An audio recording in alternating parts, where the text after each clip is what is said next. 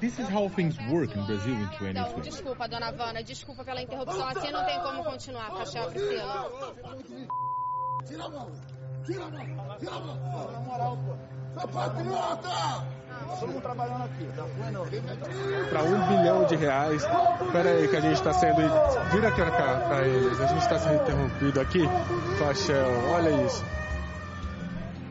The mayor of the country's most famous city uses public agents paid with public money to hamper journalists from denouncing bad conditions at public hospitals. A mayor who is a well-known evangelical pastor elected to moralize Rio de Janeiro's management. And how about the president of the republic, Jair Bolsonaro? When a journalist asked him what the whole country wants to know, why the First Lady received money from a man accused of organizing a corruption scheme in a politician's office, who by the way is a senator and the president's first son, this is how Bolsonaro replied. Presidente, vontade de encher tua boca com a porrada, tá? And there he goes again. Você me recebeu 93 mil. Quer responder com 1 bilhão 700 da Globo? Me responda. There is an agenda in Brazil to put press legitimacy in check. This agenda aims to threaten and constrain journalists and even destroying their reputation. Você tem uma cara de homossexual terrível, mas nem, nem por isso te acusa de homossexual. No new news there. But there is a difference now. There is an online misinformation network which is able to rival with an unheard of efficiency for the role that has always been played by the press. It's hard to say who funds this underground network, but one thing is for sure, it's backed up by first degree authorities. A so-called head office has been settled in the federal government headquarters to dictate the guidelines of the war against the press. Even the president's third son, the most voted representative ever, acts to defame one of the most awarded Brazilian journalists, just because she was responsible for denouncing the side scheme of this reputation grinding machine. We are living through a new form of censorship and harassment in Brazil, outsourced to armies of patriotic trolls and amplified by bots on Twitter, Facebook, Instagram, and WhatsApp. You might be asking how we got here, right? To understand it, we have to go back to 2013.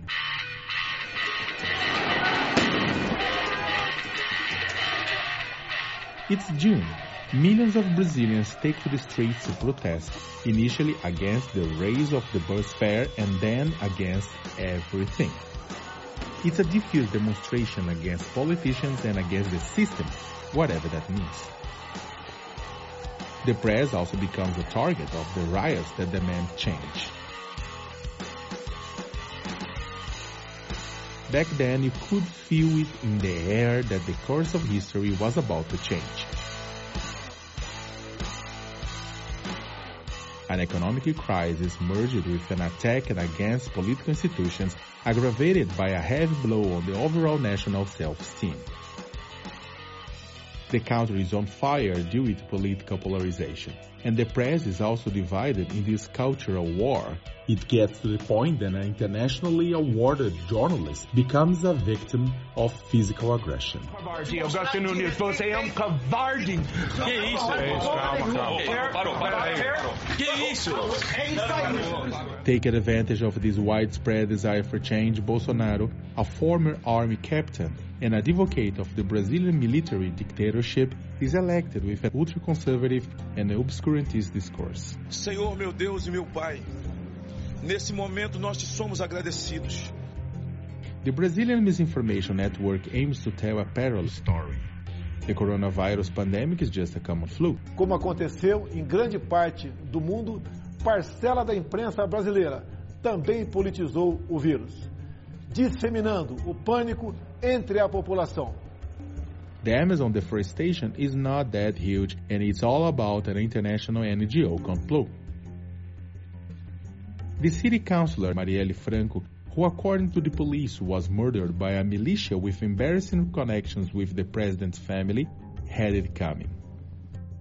Since Marielle Franco was murdered, one of the most important journalists in Brazil has been posting every single day Who is responsible for the killing of Marielle Franco?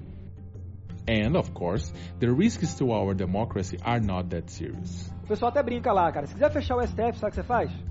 Você não manda nem um jipe, cara. Manda um soldado e um cabo. Keen on conspiracy theories, the government accused the press of plotting against the national interests. But it is the press that works hard to reveal the real dimension of the pandemic tragedy. That's because the government tried to hide the number of deaths more than 140,000. Acabou a matéria do Jornal Nacional.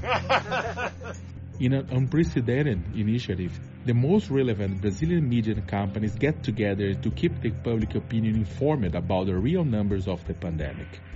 It's the press that reveals how land grabbers that support the government operate to burn down the Amazon. It's the press that reveals the unorthodox relationship between the president's family and a criminal militia in Rio de Janeiro. When there was nothing left to say to offend the press, Bolsonaro sent a comedian famous for imitating the president to talk to journalists that work in the nation's capital. Offended by Bolsonaro's supporters and fearing for their personal security, journalists leave the press area in front of the president's official house. Journalism in Brazil faces an intense period of productivity and resilience. Fact checking agencies analyze fake news almost in real time. Media literacy initiatives fight against misinformation on the internet. Satirical content pieces popularize debates that the government would rather hide. O que, que é isso aí? Extrema imprensa, é? Seu bundão. Ah, não, é. tá ok, é blogueiro nosso. Presidente, por que sua esposa Michele Bolsonaro recebeu 89 mil reais em depósitos de Fabrício Queiroz, ah? Ah, mas essa é muito fácil mesmo. Faça outra mais difícil. the moment could not be more challenging. Brazilian press faces a tough questioning about its own social function and the cornerstone of a free, plural, and democratic society. But at the same time, it remains resilient. Deep investigations continue to reveal scandals every day. Journalist pieces clarify facts that do not fit the narratives spread by the misinformation network.